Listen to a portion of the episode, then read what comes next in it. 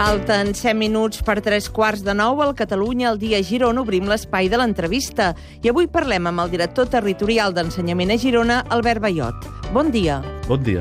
Hi han hagut dos temes d'actualitat aquests dies que ens han cridat l'atenció. Un està l'agressió d'un pare al director de l'escola Pous Pagès de Figueres. En tot cas, quines mesures ha pres el Departament d'Ensenyament? Mira, el departament amb aquests temes, doncs la primera cosa que fa, i molt important, és, és fer el suport eh, total, en tots els sentits, al, al, al professor agredit, en aquest cas el director del centre, no? Des de la inspecció d'educació, doncs en el primer moment es va ser al costat del, del professor, tant per seguir la seva evolució doncs, de salut com per ajudar-lo a fer la denúncia pertinent de seguida eh, vàrem parlar del fet amb el Departament d'Interior, amb l'Ajuntament de Figueres, a fi efecte de coordinar també tota la vigilància entorn al centre a partir del dilluns en què el, el director doncs, va voler incorporar-se amb normalitat, atès també doncs, que les ferides que tenia les podia o no li impedien doncs, treballar. D'altra banda, evidentment, eh, a part de condemnar doncs, de manera rotunda el fet, eh, tot el tema del curs legal eh, que, que tirin la denúncia doncs està en mans de la nostra assessoria jurídica i el departament farà el que convingui, sense pal·liatius, no? perquè entenem que el fet és greu, és lamentable, és condemnable i per tant se serà rotund en tots els sentits. El tema ara el gestiona el gabinet jurídic per tal que ens digui doncs, per on hem d'actuar. És un cas aïllat o hi ha hagut més casos d'aquest tipus? És un cas aïllat en l'extrem, no? que una persona arribi a agredir físicament. Sí que és veritat doncs, que en determinats entorns doncs, pot donar-se el cas que hi hagi alguna conducta de manca de respecte, agressiva. També és veritat que des que el director és autoritat pública, no? que cosa que doncs, hem potenciat des del departament, doncs això també suposo que frena determinades coses, però bé, eh, dir, amb la rotunditat aquesta d'una agressió tal, i aquest acarnissament sí que és un fet aïllat, afortunadament. Ara, no és aïllat el fet doncs, que hi hagi algunes actituds a vegades de de posar en, fi, en qüestió eh, doncs, les decisions educatives d'algun centre.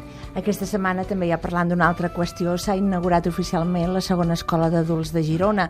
Era necessària aquesta escola? Sí, era necessària per diversos motius. No? La ciutat de Girona no podia tenir només una escola d'adults. Aquesta escola d'adults en el seu moment doncs, es va muntar de la manera que es va muntar també perquè la ciutat de Girona doncs, no acabava de definir-se entorn al model i la Generalitat en el seu dia doncs, va dir doncs, eh, endavant amb una escola d'adults, però doncs, eh, per la seva capacitat estava desbordada i el que hem treballat aquests darrers quatre anys ha estat la implicació de l'Ajuntament de Girona. Eh, va començar a fer col·laboracions doncs, importants per nosaltres amb l'escola actual, però de seguida vam veure la necessitat que la implicació de l'Ajuntament de Girona havia d'anar una mica més enllà i que havia de sumar amb nosaltres per poder aconseguir, diguem-ne, un desdoblament. Primer, per augmentar places, per augmentar eh, formació, etc, però sobretot també per estructurar el servei a la ciutat. D'aquesta manera vam estar-hi donant voltes, va costar molt trobar el lloc i esclar, tampoc és un moment aquest com perquè tinguem eh, recursos per anar comprant locals i tal, no? I al final doncs, es va optar per, una, per un enfocament que va estar molt bé, que jo hi estic molt d'acord a més, que és que tenim equipaments que es poden utilitzar més, més hores, no? I que es poden compatibilitzar. Llavors, doncs, d'aquesta manera, allà on s'ha ubicat, comparteix doncs, amb l'àrea de l'ocupació, la promoció de l'ocupació entre les persones i alhora, geogràficament, s'inserten en l'altre costat de la ciutat. I, per tant, podríem dir que entre l'escola que ja hi havia, aquesta, i la de les Bernardes de Sal, agafem tot un eix geogràfic de Girona-Sal, que ara, en, en el futur immediat, el que anirem fent eh, serà que aquests tres punts es complementin per oferir el millor servei a les persones. I per mi aquí també és on hi ha la gràcia de la ubicació i d'aquest aquest conveni que hem fet amb l'Ajuntament.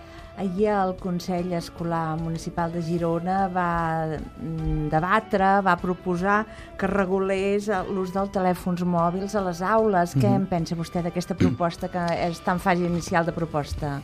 Bé, jo estava una mica al cas d'aquest tema, però no de manera completa. És a dir, és un tema que això ha estat treballat des de l'Ajuntament amb els directors de secundària.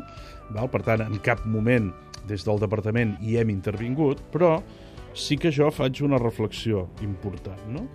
que és que, evidentment, la societat avança, hi ha noves situacions, i la situació de l'ús dels aparells mòbils doncs, ha canviat no només l'escola, ha canviat l'escola, ha canviat el carrer, ha canviat el, la conducció, ha canviat tot, no? I, evidentment, convé eh, fer algun tipus de regulació que estigui reflexionada, primer, per tant, si és compartida entre molts centres, doncs jo crec que hi ha una garantia important de reflexió.